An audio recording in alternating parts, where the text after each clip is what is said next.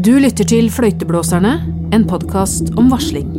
Denne serien er produsert av Monosterio med støtte fra Fritt Ord. Jeg heter Karine Næss Frafjord. Varslingsbestemmelsene i arbeidsmiljøloven presiserer at arbeidstakere som varsler om kritikkverdige forhold, har et vern mot gjengjeldelse. Det vil si at alle former for straff eller andre negative reaksjoner mot en arbeidstaker som varsler, eller vurderer å varsle om kritikkverdige forhold, er forbudt. Stig Berge Mathisen er professor i organisasjonspsykologi på BI i Bergen, og er en pioner innen forskning på varsling i Norge. Gjengjeldelsesproblematikken den er jo sentral eh, rundt eh, varsling. For det er jo noe som kan bringe varsling til opphør. Sant? Fordi at man, eh, man, man trues eller straffes til, til taushet. Og det vil jo være lite eh, gunstig. Også ut ifra et organisasjonsståsted. For eh, hvis man ser at eh, de som varsler, blir, eh, blir, tatt eller mobbet eller blir fryst ut eller mister jobben, så vil jo det være en skikkelig advarsel til alle andre, de som er rundt, på en måte. Så det vil, det ville være et veldig sterkt sånn, eh, styringssignal om at varsling gjør man ikke. Det vi kan kalle for negativ organisasjonslæring. Så, så, og det må, jo, eh, det må jo unngås. Eh, det som er viktig å huske på, er jo at varsling egentlig Hvis man har utmerket kommunikasjon i hverdagen, der forventninger eh, deles og avklares. og man har åpen kommunikasjon i hverdagen i en bedrift på kryss og tvers. Så det, da er det veldig lite grunn, grunn, for varsling. Eh, varsling er jo en kommunikasjonskanal som brukes når, når andre kanaler ikke har fungert. Eh, og at det er noe som er presserende, noe som må formidles, eller noe som må ordnes opp i. da. Sånn, og, og, og, da er, da er varsling eh, nødvendig. Så arbeidsplasser som har god, et godt miljø og en god kultur, varsles det sjeldnere på? Ja, for det blir mindre grunn for å varsle der. Fordi at man, eh, man korrigerer eh, underveis, på en måte, og før ting og, og man søker, Hvis man er fan med å gjøre noe som er kontroversielt, eller noe som kan, er kan være på grensen til lovbrudd, f.eks., så sjekker man gjerne ut i miljøet, sant? og så får man råd om å la det være. Sant? Men på arbeidsplasser der man ikke har tilstrekkelig eh, slik kommunikasjon, og der folk regelbryter og forsynder seg, og det, der det som skjer er alvorlig, eh, der eh, vil det kunne være nødvendig med, med å, å varsle. Fordi at Eh, for, forsøk på å korrigere før varslingen har, har da ikke ført frem. F.eks. at uh, klager har bare blitt avfeid. Og, ja, og da vil varsling kunne være viktig. Mm. I Bergen for 30 år tilbake så hadde vi den uh, såkalte politivoldssaken. Bergen politikammer. Der, uh, der det visstnok skjedde klanderverdig atferd blant flere politibetjenter mot eh, arrestanter. Eh, der de hjulte eh, opp disse arrestantene som en slags prosedyre. Men det var jo et eksempel på en situasjon der det ikke var varsling. Det var ingen som varslet om det. Det var en slags, en, som, slags korpskultur på at man holdt tett om, om dette her. Og, og den saken sprakk nå etter hvert i media. da, sant? Det ble mye styr og uh, dårlig uh, omtale ut av, av, dette. Og Det er et eksempel på når man da har hatt en, en, en kultur der det ikke var rom for å varsle i, i, det hele tatt. Sånn, så ble det ting lokk lok, lok på. Og det er jo en måte å utvikle en, en ukultur videre, da. Så selv om eh, Bergen politikammer har hatt sitt, har hatt sitt av trøbbel, så, så har, jo, har, jo, man kommet videre i forhold til det. Jeg tenker på den Robin Schäfer-saken med, med, hun eh, den lille jenta Monica, som, som da Der det var et mistenkt mord mot denne lille jenta. Så ble, det, så ble saken henlagt etter bevisets stilling. Men så var jo Robin Schäfer da, som ikke ville slå seg til tåls med det. Og så insisterte på å gå videre. Og når ikke vanlige avviksrapportering eh, førte frem, så varslet han videre i systemet. Sånn, så det er jo eh, og det er jo sånn det må være. At man har folk som er eh, så tøffe og såpass eh, i ryggrad. Og selv om det, han fikk mye pepper og, og, og, og sånn på, på veien, sånn, så, så, var jo det en, eh, en effektiv varsling til syvende og sist. fordi at eh, morderen ble jo tatt og fengslet og soner straff nå. og det hadde vel ikke skjedd om ikke det hadde vært en varsler inne i, i, i bildet. da. Men hva i de sakene hvor varsleren eh, ikke får anerkjennelse for den jobben han eller hun, eller innsatsen han eller hun eh, gjør etterpå? Og det blir en eh, stor belastning og en byrde å varsle? Ja, det fins jo mange, det vel mange sånne saker. Og, sant, at, og at varsleren har, eh, har eh, da angrer på, på, det som har skjedd, pga. at totalbelastningen har vært for stor for eh, familie og for personens psykiske helse. Da. Sånn at det, det, er nok mange som kan sitte igjen med blandede erfaringer på det at de har, har varslet. Da. Så eh, det er jo beklagelig når det, når det eh, skjer, da. Eh, sånn at eh, Men jeg, var med på studien, jeg har vært med på noen studier om varsling. Og, og da, da, da, Man kan få et litt sånn feil inntrykk i media. For disse sakene som kommer opp i, i pressen, det er jo gjerne de store, uheldige sakene man, det er de sakene der man varsler uh, i, uh, i, stillhet, der varsling blir tatt, tatt, hensyn til, og der man da går videre, de er gjerne ikke nyhetsverdige på samme måten.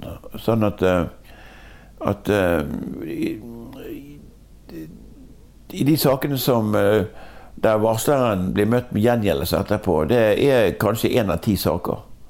Så man kan få et ganske feilt inntrykk. Eh, Eh, av eh, hvor stor sjanse er det for at man blir møtt med, med gjengjeldelse og represalier.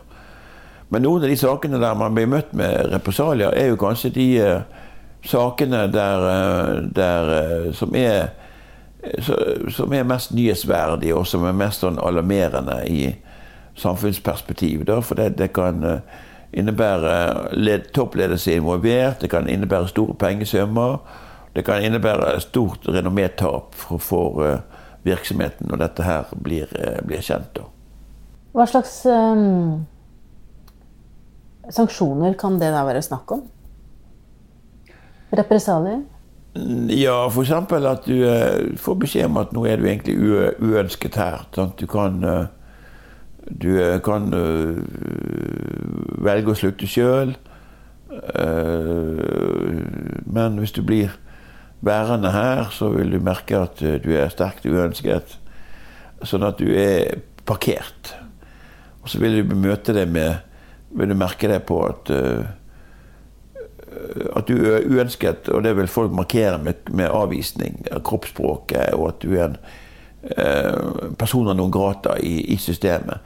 Det er klart at Når du er en som er, er på en måte du, du er på en måte Eh, en sånn eh, person non grata-person.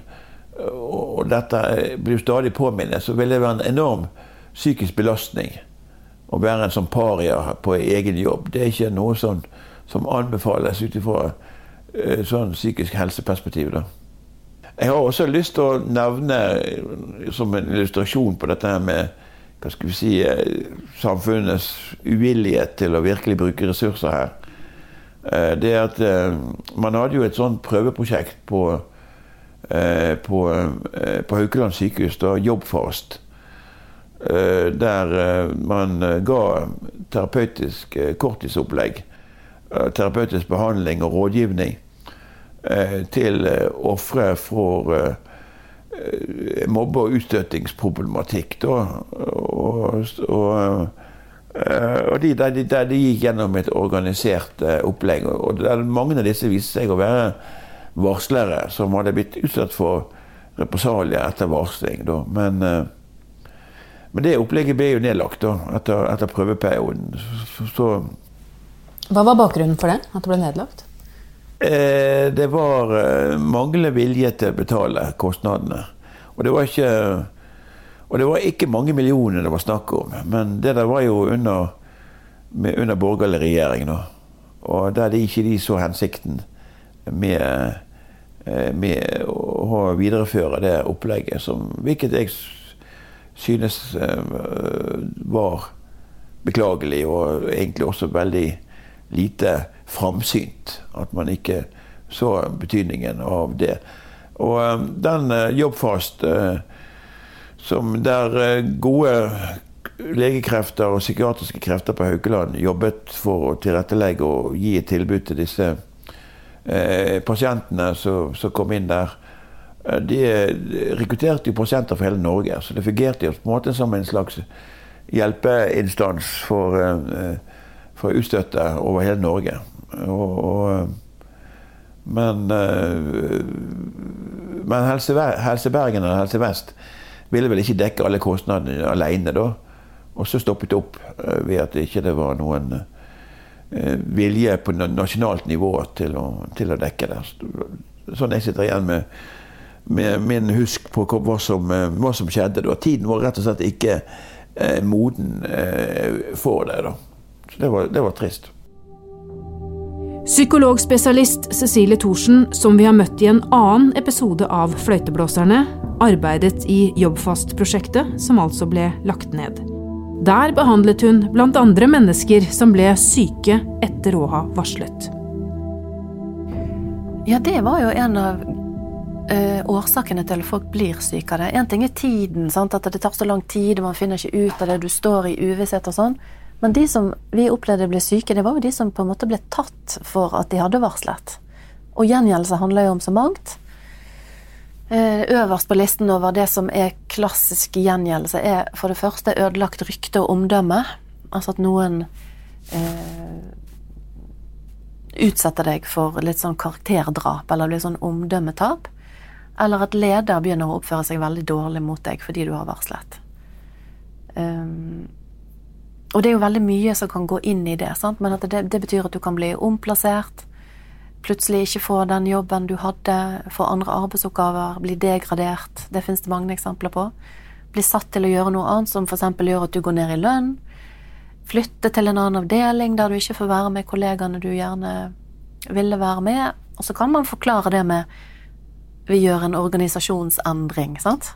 Vi omorganiserer, og derfor må det bli sånn. Mens mange vil oppleve det som gjengjeldelse, uten at man kan bevise det, egentlig. Det er ofte det, sant? at du, du opplever at Du tenker at dette er gjengjeldelse, men det er vanskelig å bevise at det er det. Det er mange måter man kan manøvrere i det systemet der òg. I et system, da. Så hvis du føler at du begynner å miste posisjon og rettigheter og um, statusen du hadde, eller tilliten, eller at ikke du ble inkludert lenger, eller faktisk eh, frosset ut eller mistet tilhørigheten. Det er jo noen av de Altså, mobbing er jo òg en del av gjengjeldelse. Der mobbing handler om veldig mye at du enten blir utsatt for krenkelser eller kritikk hele tiden, eller at du blir utestengt. Utestenging er jo en av de skumleste mekanismene vi mennesker kan oppleve på et sånn grunnleggende eksistensielt nivå. For hva skjer med de som blir støtt ut av flokken? Hvis du ser for deg dyreflokken på savannen. Ja, de dør jo. Så Det er det sterke mekanismer i. Og det er det masse forskning på, faktisk. Det der med utestengingsmekanismen som skjer med mobbing, som òg kan være en form for gjengjeldelse etter, etter varsling. Hvis vi går tilbake til eh, en konflikt og en varslingssak eh, ut fra ditt ståsted, altså, hvilke mekanismer er det som slår ut hos mennesker når vi står oppe i en, eh, en sånn situasjon? Uh, ja, altså hvis folk, uh, hvis folk føler seg uh, angrepet, sånn, så vil jo det kunne eskalere en konflikt i, i betydelig grad. Og, og det og, og, da vil jo man I noen, noen, sånne konflikter er jo at man kjemper med alle midler man har for å vinne frem i den, i den, i den konflikten. Og eksempel, Det kan jo også innebære at du har brudd på lovverk og tildekking av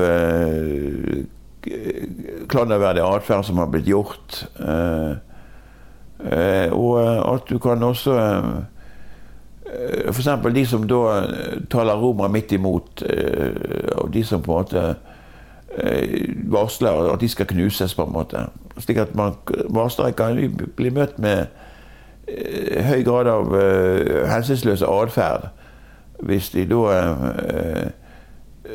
tirrer og, og provoserer eh, maktinstanser i tilstrekkelig grad. Det handler om makt? Eh, ja, i stor grad vil jeg kunne si at det handler om, eh, om makt. Altså, vi, jo mer makt som er involvert, jo mer risikabelt er det å varsle. Hvis, det, hvis maktinstanser kan ta til motmæle eller reagere med, med represalier eh, så, så, er det mer risikabelt å, å varsle. Og eh, det er jo også en grunn til at f.eks. i Amerika så er det sånn at, eh, at hvis man eh, varsler der om, om kritikkverdige eller ulovlige forhold som innebærer f.eks. skattesnyting eller store Eh, finansinstitusjoner slipper unna skatt eller lurer, lurer, unna store økonomiske midler. Og den som varsler om dette her, og som får stoppet uh, det kritikkverdige, vil, vil, kunne få en større erstatningsbeløp som takk uh, for varslingen. Og Der ligger jo det en erkjennelse om at ofte hvis du da varsler mot maktinstanser, så vil det ofte det innebære en, en eh, karrierestopp eh, de facto for den, den det gjelder. Pga. at uh, saken og personen og, og sakskomplottet vil være bli kjent. Og, og, og, det vil jo også kunne, kunne innebære eh, at personen vil få store problemer med å få jobb eh, et, etterpå. da. Og det kan jo ha sammenheng med det mange varslere opplever som et paradoks, nemlig at, at folk eh, kan være redde for varslere. Sånn hvis vi skal ansette deg her hos oss, hva vil du oppdage her? på en måte? Altså, Hvilke skjeletter vil du kunne finne i våre skap? Eh, og, og, så vil det kunne gjøre det at for noen varslere så kan det være problemer med å, å få seg en ny tilsvarende jobb. da. Men kan vi da forvente at uh, noen orker å varsle når vi ser den enorme belastningen det kan medføre? Ja, fordi at uh, vi mennesker er nå utstyrt sånn at uh, vi er opptatt av rett og galt, på en måte. Og, og hvis du har Hvis du har tilstrekkelig grad av moralsk kompass, Eh, så, så det, finnes det en grense for hvor mye urett du vil se eller vil la eh, passere. Så, eh, så, derfor så, så, tror jeg det at, eh, at, at varsling vil, vil, bestå, da. Uansett. Men Men amerikanske anslag er jo at ca. én det er bare én av to som ser kritikkverdige forhold, som faktisk vil varsle om dette. her. Én av to? Ja. 50% Ja. Slik at, i svært, svært, mange tilfeller så, så vil folk eh, reagere med passivitet hvis man ser kritikkverdige ting der man burde ta affære. Men eh, Vet vi noe om hvorfor? Hvorfor folk velger å være passive? Det kan jo noen tilfeller så handler det om, om manglende erfaring, manglende kunnskap. Man, uh, man uh, har ikke Altså særlig personer som er unge og uerfarne, som er vikarer, vil kunne reagere med passivitet. Mens folk som er mer erfarne, og som, er, som har gjerne lang arbeidspraksis, og som eh, er mer, mye mer bevisst på dette her med forskjellen mellom rett og galt, de, de større sjanse for at de vil varsle. Så kunnskapsaspektet tror jeg er viktig. Eh, og så er jo det eh, så er jo det selvfølgelig også dette her med, med, med, omstendigheter rundt, eh, rundt saken. da. For eksempel så tror jeg det er flere, langt flere som vil varsle hvis jeg, hvis, jeg, hvis jeg, ikke varsler, så vil liv og helse gå tapt. Andre, Noen kan dø hvis ikke noen gjør noe. Og jeg, det kan ikke ha, ha på samvittigheten. Langt flere vil varsle i det tilfellet, eller hvis jeg ikke varsler, så vil bedriften bli bedratt for flere millioner. Jeg tror nok flere da vil være passive og, og på en måte rasjonalisere det med, for seg sjøl. At uh, det ikke er mitt bord, eller det, det der ikke er mer enn bedriften tåler. Og så bruker man unnskyldninger for å la være å varsle. Så uh, ja. Men uh, jo mer kunnskap personen har på forhånd, jo mer bevissthet personen har, jo lettere personen er, har for å gjenkjenne en varslingssituasjon på forhånd, uh, jo, jo større sjanse er det for at man uh, varsler. Det viser f.eks. personer som, som, har, som, har, varsling som en naturlig del av jobben sin. F.eks. at man jobber med økonomi og regnskap med revisorlignende tjenester så er det mye større sjanse for de, at de varsler, enn for en person som ikke jobber innenfor uh, med varslingsrelatert uh, arbeid. Da.